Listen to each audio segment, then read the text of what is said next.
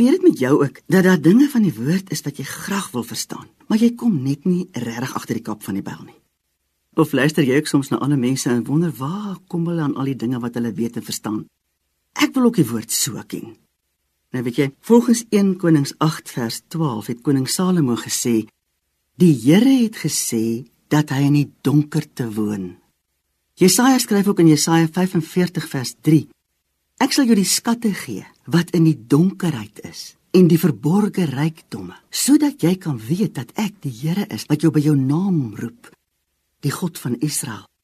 En hierdie vers word in die Amplified vertaling so vertaal: And I will give you the treasures of darkness and hidden riches of secret places, that you may know that it is I, the Lord, the God of Israel, calls you by your name.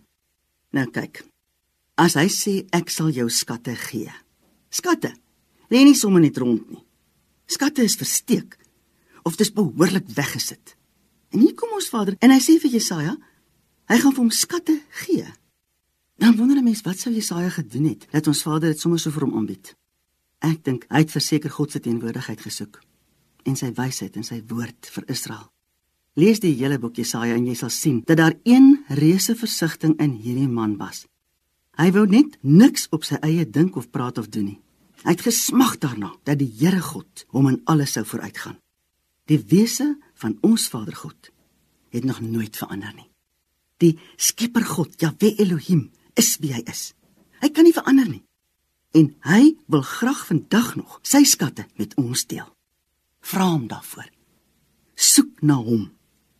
Wag op die Here en hy sal jou daarin begelei, want hy sê dit ook vir my en jou.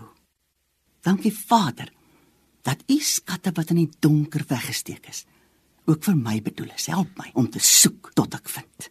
Dankie. Amen.